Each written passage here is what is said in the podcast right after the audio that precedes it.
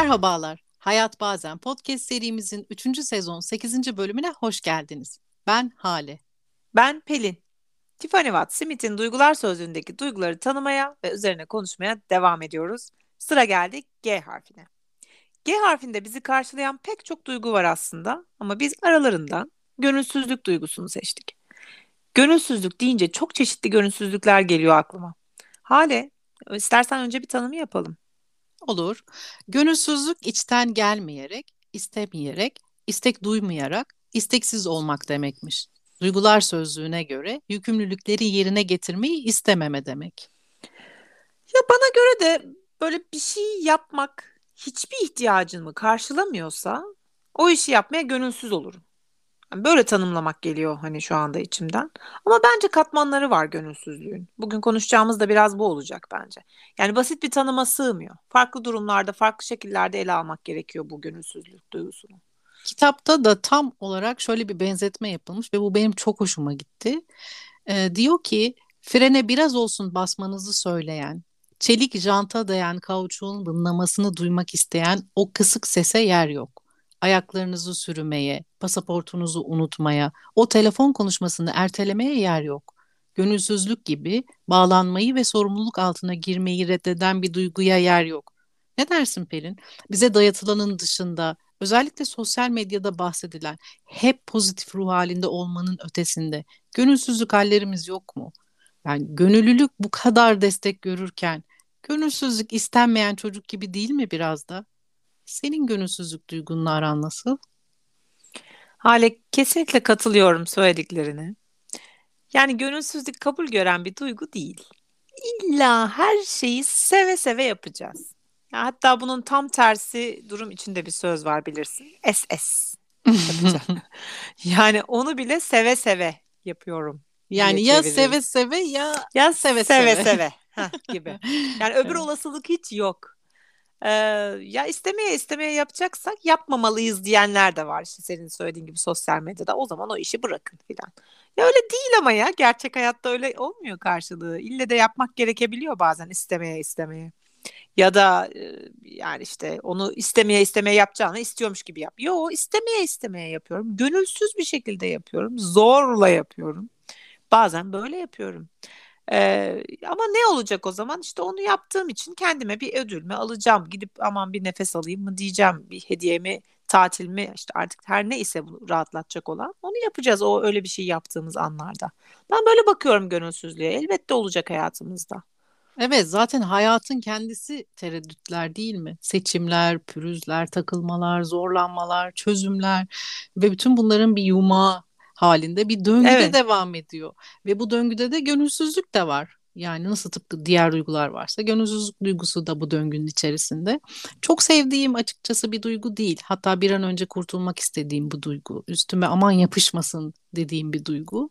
İşte yemek yapmayı, ev işi yapmayı istemediğim zamanlar oluyor ve bunları gönülsüz yapmaya kalktığımda daha da eziyet oluyor bana e, mutlaka başıma bir kaza geliyor, bir şey geliyor. O yüzden orada kendimle bir anlaşma yapıyorum, bir uzlaşma yapıyorum. O zaman biraz daha işler keyifle akıyor. İşte bir müzik açıyorum, böyle bir atmosferi değiştiriyorum, şarkı söylüyorum.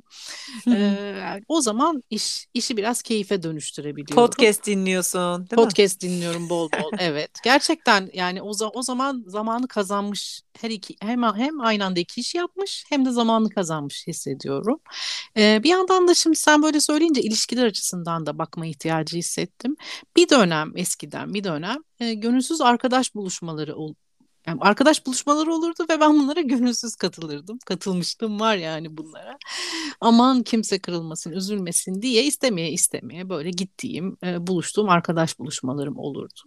E, bir yandan da duygularını fena halde yansıtan biri olduğum için de o gönülsüzlüğümü gizleyemezdim hemen anlarlardı ve sürekli bana neyin var neyin var diye de sorarlardı. Ya, ya üzüldüm hakikaten bu dediğine. Yani çünkü başka bir yerinden baktım bak şimdi bu duyguya. Bu da gönülsüzce yaptığımız işler var bir. Hani bir de hiç gönülsüz olmamamız gereken bir durumdan bahsettin sanki. Yani arkadaşınla buluşuyorsun ya. insan mecburen buluşur mu? Gönülsüzce buluşur mu? yani niye git yani bitir o zaman gibi bir yer oluyor. Gönülsüzce yani gönülsüzce yapılacak bir şey mi bu? Yani düşündüm tabii. Özellikle de bölüme hazırlık yaparken ya neymiş benim bu genç yaşımda arkadaş ilişkilerimdeki gönülsüzlüğümün nedeni? diye.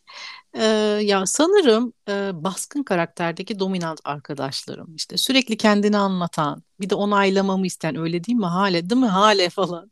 Sürekli kendini anlatıp e, ve sürekli negatif şeylerden bahseden memnuniyetsiz şikayet eden sürekli eleştiren ee, bir de bana karışan, müdahale eden ve enerjimi çeken, sömüren arkadaşlarmış galiba bu gönülsüzlüğümün sebebi. Yani çok haklı sebeplermiş bu evet. arada yani insan öyle hisseder. Evet. Hayır bir şey değil öyle bir şeyin içinde öyle bir ilişkinin içinde insan sonlandıramıyor da o ilişkiyi. Sanırım böyle bir aşaması da oluyor. Çünkü sonlandıramayınca da işte o toksik arkadaşlık denen yere geliyor. Hayat daha zorlaşıyor. Evet, evet. Yani bence oradaki gönülsüzlüğün çözüme kavuşturulması mühim.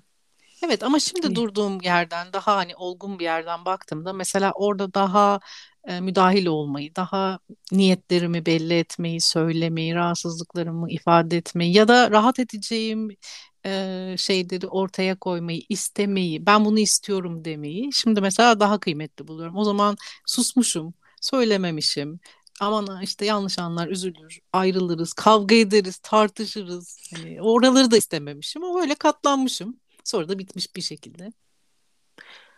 Ya şey de yapmayalım ama hakkını da yeme. Belki de denemişsindir de o evet. dominant dedin çünkü. Arkadaşın buna alan açmamıştır. Bazen de öyle oluyor. Sen elinden geleni yapıyorsun, deniyorsun. Yok yok böyle yapmayalım, şöyle yapalım derken bir anda bir bakıyorsun yine onun istediği gibi yapmaya geçmişsin. Evet, muhtemelen Bu biraz öyleydi. şeydi yani çıkamıyorsan bir sebebi de vardır. Yani çünkü seni evet. tanıyorum. Niye sınırlarını korursun yani? Öyle evet, evet. Şey bir yer yani zor bir konu orası. Toksik kişiler, ilişkiler, o sınırlarını korumak.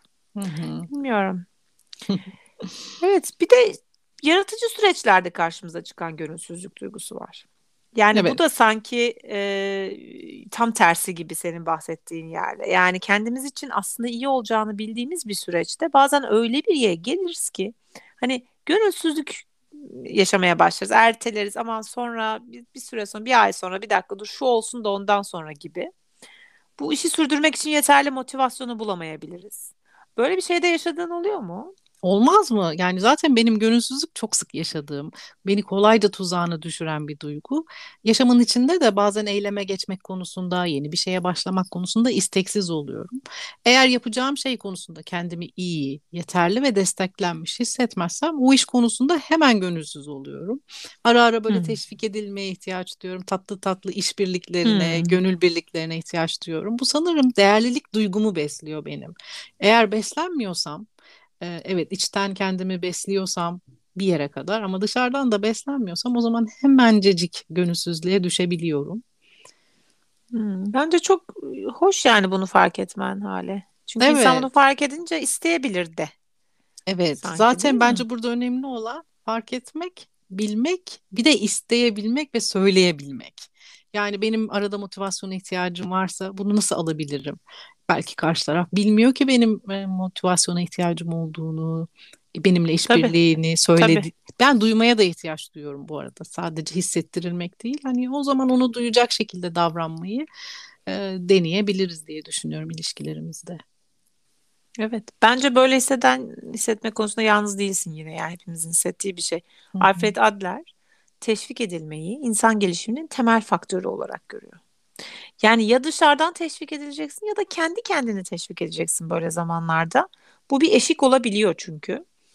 Ee, ya özellikle o an gönülsüz hissetmenin bazı ya, gerçek sebepleri olabildiği gibi yalancı sebepleri de olabiliyor. Ee, yaratıcı işlerin kırılganlığını hani bilirsin Julia Cameron çok bahseder bu kırılganlıktan. Ee, o gönülsüzlüğün altında geçmişten e, gelen bir utanç olabiliyor.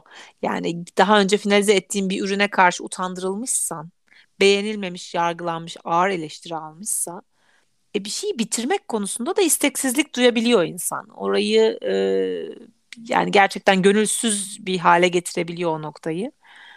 E, bu yalnız çok önemli. Burada insanın kendini az önce dediğim gibi teşvik etmesi ya da teşvik eden birileriyle beraber olması, o teşviğe ihtiyaç duyduğunu belirtmesi önemli. Çünkü eğer olmazsa insan hayatında da tıkanıklığa düşüyor. Yani aman dur şunu yapmayayım dediğin şey senin aslında çok da yapmak istediğin bir şeyse e, ona karşı bir gönülsüzlüğe düşmüşsen hayata karşı da yavaş yavaş motivasyonunu kaybedip hayat da böyle bir çekilmez hiçbir şey katlanılmaz hale e, geliyor. Hiçbir şey keyif vermez hale gelebiliyor. Ama bunun tam tersi olan da bazen gerçekten gereksiz, yapılması zaman kaybı e, olan işlere de orada hani sınır koyup ya ben bunu yapmayacağım, gönülsüzüm ve hayır bu işi bırakıyorum demek de gerekiyor. İşte bu bırakmalı mıyım? Devam mı etmeliyim? Yani gönülsüzlük hissediyorum ama bu benim aslında kaçındığım bir şey mi yoksa gerçekten bırakmalı mıyım bunu yapmayı? Bu beni yoruyor mu? Bu aradaki ayrım çok önemli. Ee, ama şuradan bulabiliriz bence bunu. Gerçekten hayatımızdan çıkarmamız gerekiyorsa onu çıkardığımız anda zincirlerinden kurtulma hissi gelir ya bir anda. oh be kurtuldum diye ama gerçekten yapman gereken bir işse onu bıraktığında kurtulmazsın o histen. Yani o his gelmez. Orada yine bir eksiklik, yine bir hayat sevinci falan gelmez yani orada. Çünkü senin hayat sevincin de aslında onu yaparak olacaktı. Ama evet. dedim ya o hani bir bırakma halinin de getirdiği o his bence ayırt edici olabilir. Bildim ben o hissi Pelin. Bildin bana bildi. Mi? Evet bana bildirdin Hangisini hissi. bildin? Yani şu zorla yaptığımız şeyi bırakmanın verdiği e, yaşama ya. hissi, yaşam sevinci. E, çünkü bırakana kadar biriktirdiğim bir negatif enerji var. Boğazına kadar belki de. Ağzının ucuna, dudağına kadar gelen o negatif enerji e, bir anda rahatlamanın bırakmanın verdiği rahatlığın etkisiyle pozitif bir şeye dönüşmeye başlıyor. Ee, ve şimdi sen böyle deyince bir yandan da iş hayatını düşünüyorum. İşte baştan verilmiş sözler vardır o iş hayatında. Bir türlü geriye dönemezsin, sıkışırsın. Hmm. İşte yüzün nasılır, ayakların geri gider. Yani oysa gönüllü başlamışsındır ama gittikçe gönülsüzlüğe kapılmışsındır.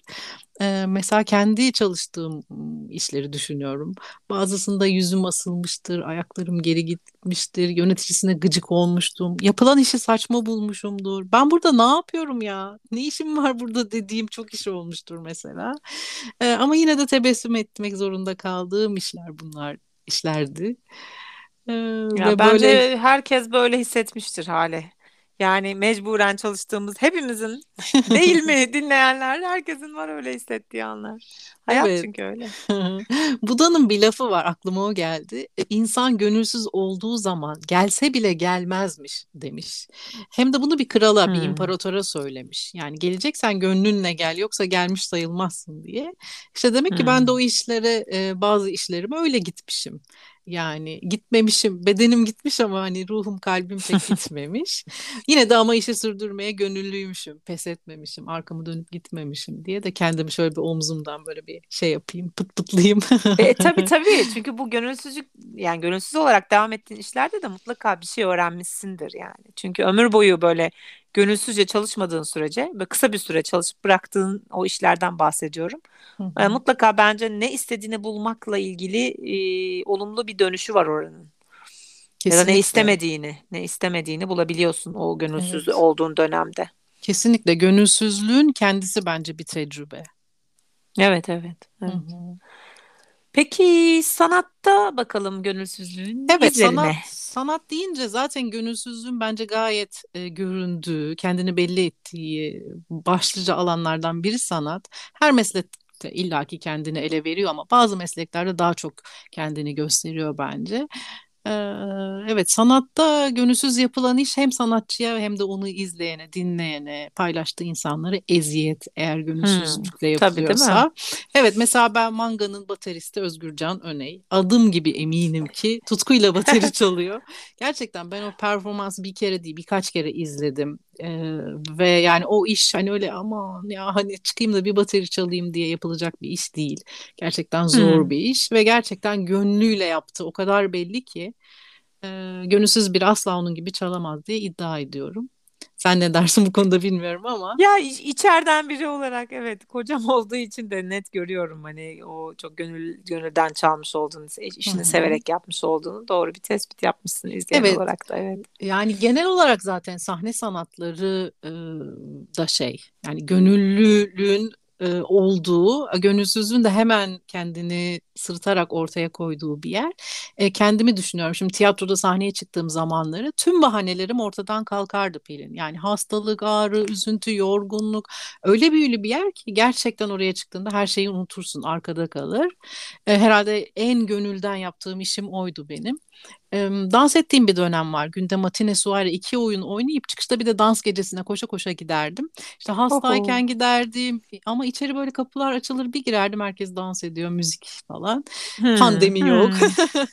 Ondan sonra herkesin birbirine Tabii şimdi hasta tema... hiçbir yere gidemezsin tabii evet. öyle bir şey var. Yani, Hastaysan kal Bayağı ağız ağza işte böyle el ele dans et ettiğim hatta hiç tanımadığım insanlarla bile dans ettiğim geceler de onlar benim. Ama o müziği duyunca iyileşirdim. O dansı yapınca iyileşirdim. İşte bu ya, ve buna benzer hmm. evet işler. Yani benim canı gönülden yaptım. Bir de üstüne para kazandığım işler ve daha ne olsun yani hem çok mutluyum yaparken hem de bir de üzerine para kazanıyorum. Ya evet evet. Ya ben mesela şimdi sen şeyi söylerken düşündüm de hasta olup ya da üzgün, canım sıkkın, kırgın, ağlıyorum o anda neyi sürdürürüm? Valla ben de piyanoyu öyle sürdürüyorum mesela. Yani canım sıkkın olması hiçbir şekilde engel olmadı bir tam tersi. Hani direkt onun başında alıyorum soluğu. Evet. Hani hastalandım bir şeyleri yap, yapamadım engellenmiş hissettim hop yine oradayım. Yani özellikle ağırlıklı olarak negatif duygularla baş etme şeklim oldu piyano zaten. Hı hı. Çünkü gerçekten sanat hem iyi geliyor hem de gerçekten iyileştiriyor. Öyle bir büyülü bir etkisi var sanatın. Sanatın her dalının bence Doğru, öyle. Tabii. Hı hı. Evet. Bu arada başka meslekleri de düşünüyorum. Doktorluk, öğretmenlik. Yani işi insanlarla olan tüm işlerde gönülsüzlük belli oluyor ve bence olmaması gerekiyor. Yani evet bir herkes üniversiteden işte bir meslek dalından mezun olabiliyor ama hani biz okulda öğretilmeyen bir şey bence hani gönüllü olmak, yaptığımız işi severek yapmak. İşte usta var usta var Pelin yani kimisi senin işini kendi evi gibi benimseyip işe girişiyor. Kimisi de ya olmaz bu iş malzemem yok o olmaz işte parası şu kadar bilmem ne diye işi yokuşa hmm, sürüyor. Doğru. Ee, evet.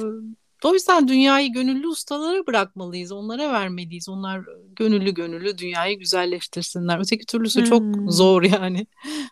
Ay güzel söyledin. Evet, gönüllü ustalar e, olsun, gönüllü insanlar olsun dünyayı güzelleştiren. Evet. Peki şey e, aklına tiyatroda bir oyun geliyor mu sanatta başka eserler resimde? Gelmez mi? Tiyatroda gönülsüzlük deyince aklıma hemen Anton Çehov'un oyunları ve karakterleri geliyor. Onun metin, metinleri direkt diyaloğa dayanmaz. Dolaylı anlatımı seçen bir yazım tarzı vardır. Gerçeği sözcüklerin ötesinde ve satır aralarında yakalamayı arar. Hatta onun için şey derler eslerin yazarı. Yani kelimeler evet çok güzel cümleler ama onun aralarındaki o boşluklar, o nefes anları, işte iki cümle arasındaki oyuncunun nefes alıp verişi esler. Çok çok Asıl hoş. O, o, o boşluklar da çok anlam içerir e, onun oyunlarında. Genelde karakterleri de yaşamlarını düş kırıklığı içinde, özlemlerini gerçekleştirememenin, kendilerine ilişkin gerçeği bir türlü çözememenin acısı içinde kıvranırlar ve yalnızlıklarıyla baş başa geçirirler hayatı. Kimse istediğine yaşamda kavuşamamıştır ve bu yüzden de karakterler için yaşam bir gönülsüzlük içinde geçer ve yaşam bir seçim değil bir zorunluluktur onlar için. Şimdi oyunlarını şöyle bir gözümün önünden geçiriyorum. Vanya Dayı, Martı, Ivano, Vişne Bahçesi hemen hemen bütün oyunlarında hayata karşı gönülsüzlüğün pençesine düşmüş karakterleri görmemiz mümkün. O yüzden benim aklıma Anton Çehov külliyatı geldi hemen. Sen anlatırken böyle şeyi düşündüm. Hmm. Gurur ve ön yargı. Hı hı. Ee, Elizabeth'i. Yani orada gönülsüzse eğer hiçbir şeyi yaptıramıyorlar ve o gönülsüzlüğüyle aslında ailesini kurtaracak olan o evi o üzerine geçecek yani miras kalacak ona. Onun sahibiyle evlenmiyor. Hayır diyor. Zengin birinden teklif alıyor. Hayır ona da hayır diyor ve bu o dönem için hani kurtuluşun tek yolu da bu. Ee, varlıklı biriyle evlenmek. Ama gönlüm yok diyerek hiyerarşiye meydan okuyor. O döneme de meydan okuyor. Çok etkileyici bir karakter. Fakat bir yandan ben şu tarafını da düşünmeden edemiyorum. Yani gönülsüz mü o zaman para için evlenen? Gönülsüzce mi evlenmiş oluyor? Ee, o zaman da başta yaptığım tanıma dönüyorum. Diyorum ki e, o gönülsüz dediğim şeyde ihtiyaçlar sıralamasında eğer aşk onun için o kadar tepede değilse, para daha yukarıdaysa o zaman da para için gönüllü olmuş oluyor zaten ve o yüzden evlenmiş oluyor. O yüzden ona da gönülsüz diyemem ki. O da bir e, niyeti var çünkü o da mutlu. Evlendikten sonra mutsuz oldum demiyor. Ee, o yüzden biraz hani bunları düşündürdüğü için de seviyorum böyle edebiyat eserleri. Her şeyin üzerine e, detaylarında boğulabildiğin dolu dolu oluyorlar. Evet, benim de en sevdiğim dünya klasiklerinden biridir. Gerçi dünya klasiklerinin tamamı öyle değil mi? Yani yüreğimize işliyor gerçekten. Evet. Böyle nakış nakış dantel dantel tüm duyguları bizim e, önümüze seriyor. Benim de aklıma şimdi sen böyle deyince Ivan Goncharov'un Oblomov karakteri geldi aklıma hemen. Ee, ve onun yalnızca gönülsüzlük bile büroya gitmemek için yeterli ve yasal bir neden olabilirdi zelzeleden başka hiçbir şeyin sağlıklı bir memurun daireye gelmesine engel olamayacağını öğrendiğim günkü düş kırıklığını tahmin etmek fazla zor olmasa gerek diyor ablamım. Ay çok fenaymış. Ay yani ya evet. kıyamam nasıl romantik ya. Evet nasıl ya, güzel anlatmak işte. değil mi? Evet ya evet. of evet. Yasa, yani sonra da diyoruz ki hani gönüllü ustalara bırakın dünyayı. E gönülsüzde sen hayır yani yasal bir neden olarak gönülsüz sen işe gelme diyemiyorsan Hı hı. Yani zelzeleye rağmen bile geleceksin demiş ya. Var mı böyle bir şey? Evet, yani, evet. evet çok büyük bir düş kırıklığı gerçekten e, o hissettiği. Benim aklıma şey geldi bunu sen söyleyince. Tomris Uyar'ın bir öyküsünü çözümlemiştik biz.